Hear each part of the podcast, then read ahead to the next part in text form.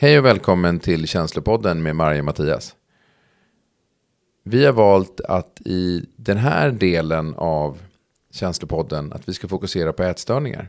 Vi kommer att göra ett antal program där jag intervjuar Marja och runt omkring ätstörningar och hennes kunskap där för att dela med sig till er som lyssnare. Både för att förstå kanske er själva men förstå de runt omkring er som lider av sjukdomen ätstörningar. Men eh, mer om det. Välkomna! Hej och välkommen tillbaka till vårt andra avsnitt om ätstörningar. Vi eh, i avsnitt ett, ni som inte följt det, där tittar vi lite på vad kommer sjukdomen ifrån? Vad finns det för olika typer? Vad eh, kopplingen till en, en tanke att jag inte räcker till, att jag inte är bra. Och hur jag straffar mig själv genom att, ehm, eller försöker läka mig själv genom att för, försöka hamna i en bättre, jag tycker bättre om mig själv genom att jag går ner i vikt. För att det är ett samhällsideal som säger att om du är smal så är allting bra. Eller det är din uppfattning. Um, och att vi män har ganska dålig insikt över vad som pågår. Vad är det för samhälle vi lever i? Vad är det för tankar som kvinnor har runt omkring det här? Det är min insikt i alla fall. Mm. Um, vi pratade lite om hur terapisamtal går till. Vi pratade om hur um, vilka det är som går, när går man? Och jag tänkte vi kommer in lite mer på det. Jag, jag är fortfarande nyfiken över vem är det som Eh, de flesta av dina patienter som kommer hit, eller klienter som kommer hit, vad, vem är det som skickar dem? Skickar de sig själva? Eller är det någon annan som säger du borde gå och prata med någon? Har man fått eh, en insikt av att man inte längre vill leva med den här sjukdomen, att man faktiskt behöver få hjälp, mm då skickar man sig själv. Och det är ju det bästa läget att komma hit. Mm. Eh, för då, då vet personen varför den är här. Mm. Och den är också sugen på att använda sin tid här på att få hjälp. Är du hitskickad av din förälder och faktiskt inte vill bli frisk, då det är en helt annan process så att säga. Mm. Eh, då behöver vi jobba mycket mer utforskande. Jag behöver se till mycket mer att personen anknyter till mig. Jag behöver jobba liksom med trygghet. Eh, jag behöver se till att personen känner sig lyssnad och trygg och att den får utrymme. Att den känner att den kan eh, våga sätta ord på det som är svårt. Det, så det är ju liksom en, eh, ja, en helt annan. Då behöver vi liksom mycket mera... Då handlar det om att börja hitta motivation till att bli frisk. För mm. ofta så finns det ingen motivation. De förstår inte varför de ska bli friska ens. Utan man dör hellre än att bli frisk om mm. du är mm. tillräckligt sjuk. Mm. Lösningen för dem är att få svälta ihjäl sig. Det, det är någonting som är jätteskönt. Då får de paus. Mm. Det är det som är drömscenariot. Att tänk om jag bara får lägga mig ner och svälta ihjäl mig nu. Det skulle vara så skönt. Mm. De ser inte. De har tappat perspektivet ens på vad som är friskt de ser inte att de ens kan leva i en frisk värld. Mm. Att de ens, det är bara krav och någonting som är ogörbart för dem mm. ofta. Så då måste man liksom börja titta på vad var det som hände? Vad är traumat här i grunden? Varför gör det så ont? Och också sortera ut att det här är ett trauma mm. som har skett för kanske tio år sedan. Mm. Eh, att också, de behöver också förstå att det här skedde för länge sedan. Mm. Du har inte integrerat den här händelsen i dig. För du har inte haft det utrymmet. Mm. Du lever fortfarande i det här traumat. Mm. Och nu har det utvecklats till en ätstörning som är en svår sjukdom. Mm. De behöver få ett perspektiv på det. Mm. Och sen behöver man börja titta på om det finns saker de har tyckt om i livet som inte hör till sjukdomen. Ofta så, när de är riktigt unga, så kanske ätstörda tankarna redan börjat vid 6, 7, 8 år. Eh, då finns det inga friska minnen egentligen som man kan gå tillbaks till. Man vet inte vad som är friskt. Det enda man vet är vad som är sjukt. Mm. Och man förstår inte att det är sjukt. För det är, det, det är den enda verkligheten du har. Mm. Då behöver vi börja skapa liksom parallella tankar. Vi behöver börja lära personen att ge liksom alternativa tankar, alternativa känslor. Jag, jag behöver liksom göra ett väldigt grundläggande jobb med de här Mm. personerna. De vet inte längre vad glädje eller lycka eller att känna sig kär eller uppfylld av någonting är. Det finns inte i deras register längre. Nej, jag har inte lärt sig heller att detta är okej. Nej. Men om vi då tittar då, då har vi någon person som har, där behöver ju du gå från grunden och försöka Mm. hjälpa dem att hitta det här. Eh, Men om du då har, flytta oss till någon som kommer hit för att söker din eh, hjälp för att de är medvetna om problemet. Mm. Men de har hållit på med det här några år. Så det är inte första gången de trä- träffar en terapeut eller de pratar om det. Utan att de ett antal gånger de har varit här, suttit. Vad, vad, vad, vad är de då? Varför har de inte blivit friska? Längs vägen. Ja, Därför att eh, ätstörningarna fortfarande gett dem någonting. Eh, hetsätning till exempel. Det finns ju någonting härligt i att få trycka i sig en lite glass och sen kräkas. Det finns någonting. alltså lite glass ja, inte krä- ja, jag fattar. Ja, nej, men det förstår. Mm. finns någonting uppdämt i att, att äntligen få köra loss. Mm. I allt det där du kanske inte tillåter dig till vardags. Mm. För att du lever, jag menar många ätstörda lever också i en anorexia och sen plötsligt går de över i en bulimi. Mhm. Så att de kan också växla mellan de här olika. Har du svält dig och svält dig och svält dig och svält dig och aldrig tillåtit dig någonting. Plötsligt när det är lördag och din partner är borta så går du till Coop och handlar allt du kommer över och trycker i dig och kräks. Många tycker att det är ett lifehack. Liksom. Wow, jag kan faktiskt trycka i mig precis allt jag är sugen på och sen kräks jag upp det igen. Men man behöver också förstå att våran kropp är liksom inte gjord för att kräkas på det sättet. Eh, det blir ju liksom frätskador på tänder och du, liksom, du kastar ju upp magsyra och grejer så att det, det liksom blir ganska stökigt i kroppen. Om du håller på med det här väldigt mycket. Just det. Men om du har... Vad är det för... Då är det ju den. Men när de kommer hit och vet att de kan må bättre och att de Mm. kan göra andra grejer. Men de ko- återkommer ändå. Då är det för att de tycker att det finns en, en typ av... ehm, Njutning med det. Ja, men sätt. njutning är det. Mm, Men de kommer hit ändå för att de vill ta sig ur det. Eller? Mm. Ja, Eller absolut. bara för, ja, det är fortfarande att jag vill bli frisk. Jag vill bli frisk. Jag kanske inte vågar tro på att jag kan bli frisk. Men jag har ändå nu valt att faktiskt gå hit och försöka göra någonting åt det här. För att jag ser att jag kan inte fortsätta leva så här. Jag ser att när jag har suttit och ätit extrema mängder och kräkts en hel dag, då är jag helt slutkörd. Det tar mycket energi. Jag är slutkörd, jag kanske inte orkar gå till jobbet. Jag kanske måste sjukskriva mig för att återhämta mig. Du ser att det här fungerar inte. Jag, jag har ett jobb och jag måste ta ansvar och jag lever i en relation och det här är ju någonting jag ofta håller hemligt för mig själv. Det här beroendebeteendet. Att jag också märker att nej, det skapar problem för mig, mitt jobb. Det skapar problem för mig med en relation. Jag skäms, det är skam, det är liksom skuld. Du förstår att det här är destruktivt. Har du kommit till den förståelsen, då, då, kan vi ju, då har vi ju en utgångspunkt att jobba ifrån.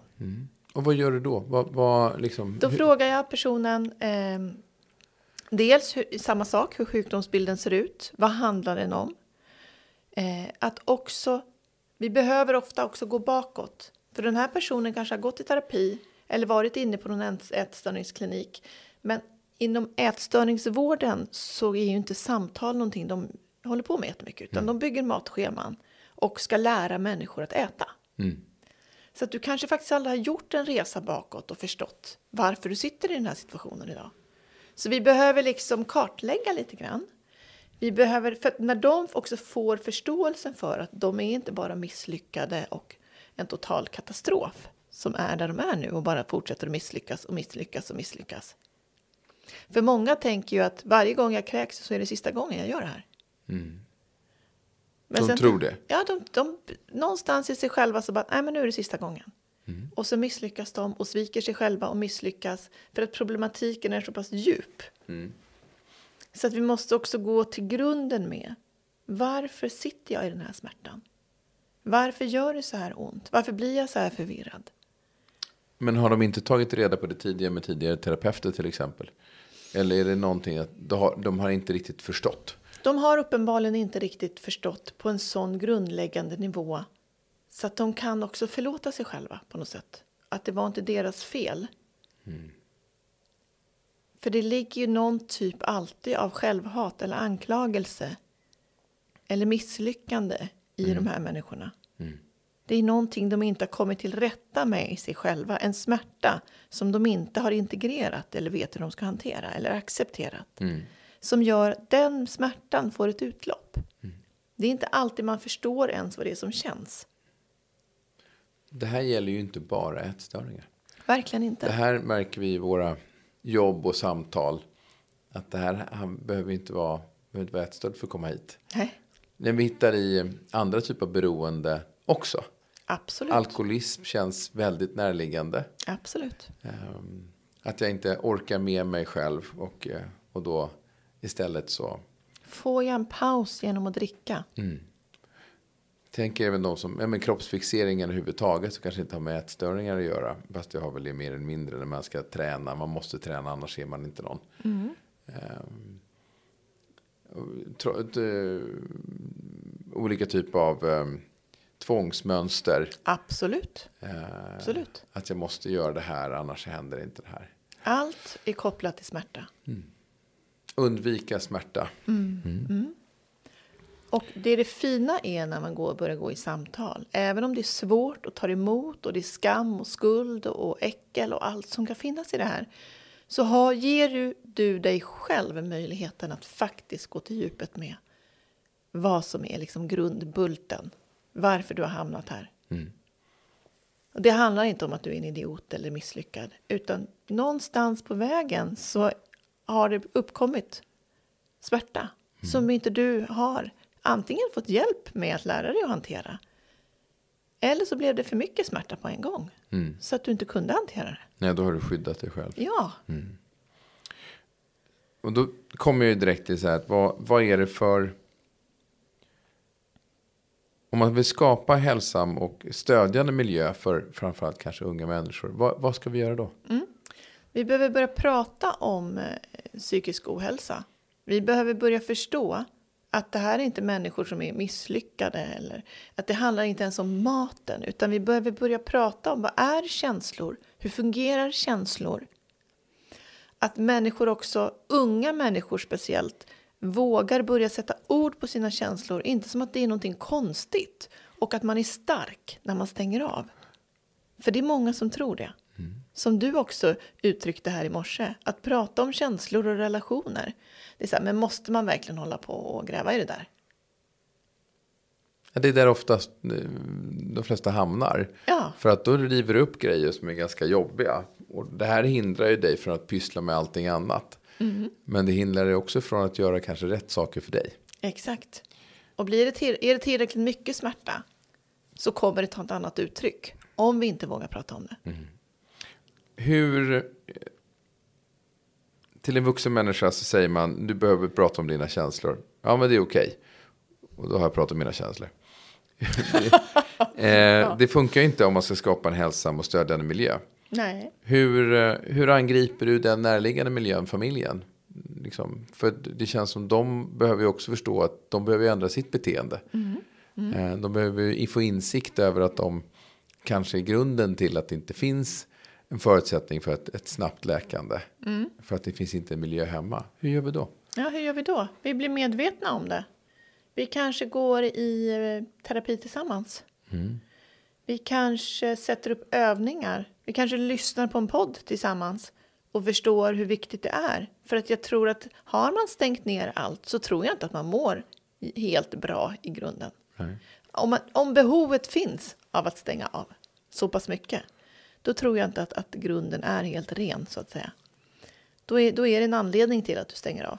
Så det, grunden är att skapa en kunskap och en förståelse Ja. i sin närmiljö. Ja, Både såklart för ätstörningar vad det är. Ja. Men kanske framför allt för vad känslorna är. Vad, vad man försöker. Vad är det man trycker bort för någonting. verkligen. Titta, för, mm. Titta på vilket känslomässigt klimat du skapar och att man behöver vara modig i det här också. Varför människor säger så här, nej men måste vi prata om det där? Det är för att det är läskigt och obehagligt. skulle du, vad- några enkla tips då? Kommer hem.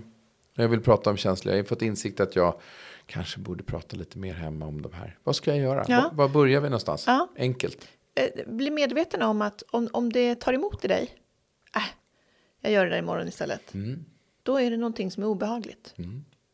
Okej, jag inser att det är någonting som är obehagligt. Vad gör jag Ja. då? Då kan du bara stanna upp med det och titta, liksom vänd lite blicken inåt i det. Aha, det här är uppenbarligen obehagligt för mig. Jag stänger hellre av det än att titta, uttrycka det. Jag kanske att också komma på, jag kanske inte ens vet vad jag ska uttrycka här.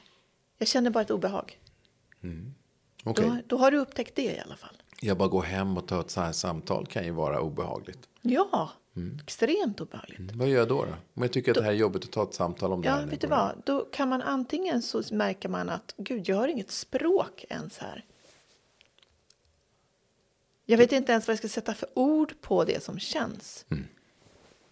Det finns massa fantastiska terapeuter där ute. Våga söka upp en terapeut som kan hjälpa dig med att hitta ett språk. Med att förstå. Börja hjälpa dig sortera i dina känslor. Så att du kan börja förstå dig själv. Som människor tror också att så här, "Nej, men gud, det tar ju tid och jag som måste jobba så mycket och hej och hå. Ja, men tänk om du får ut så otroligt mycket mer i den investeringen i dig själv. Tänk om det handlar om en investering. Tänk om det här inte tar någonting från dig. Vi behöver liksom skifta synsätt. Att allt du lägger in i det här kommer ge dig någonting tillbaks. Du vet bara inte vad det är ännu. Så vi har, en, vi har en dörröppnare här. Mm. Om vi summerar det vi har sagt hittills. Hur skulle du göra det? Ehm, jag skulle vilja säga att ehm, våga ta dig själv på allvar. Eh, ingenting av det du känner är något fel på och du är aldrig ensam. Alla vi människor har känslor. Och att om du börjar våga ta dig själv på allvar så kanske du hjälper någon annan som börjar våga ta sig själv på allvar. Det är också som att bryta is. Det är liksom, har du börjat våga öppna upp i din bekantskapskrets så kanske du ger någon annan tillåtande att öppna upp. Det är läskigt och det är skamfullt. Och det krävs nästan att liksom, du, du behöver våga sticka ut. Du behöver ha så mycket kärlek för dig själv så att du faktiskt vågar sticka ut. Och jag tänker du som är man också Mattias.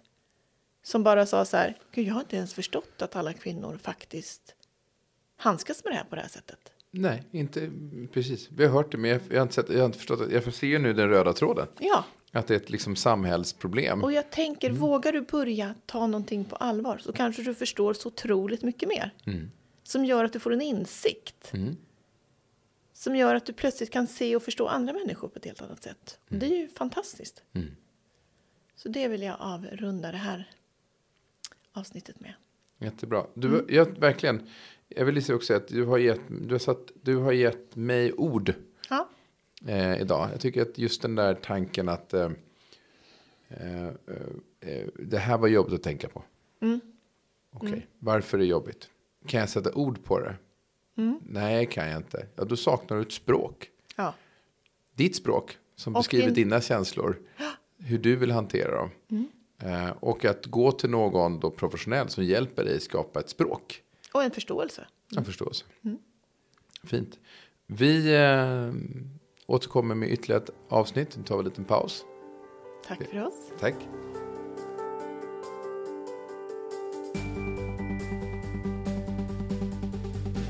Tack för att du har lyssnat på Känslopodden. Vill du komma i kontakt med oss, mejla på känslopodden gmail.com.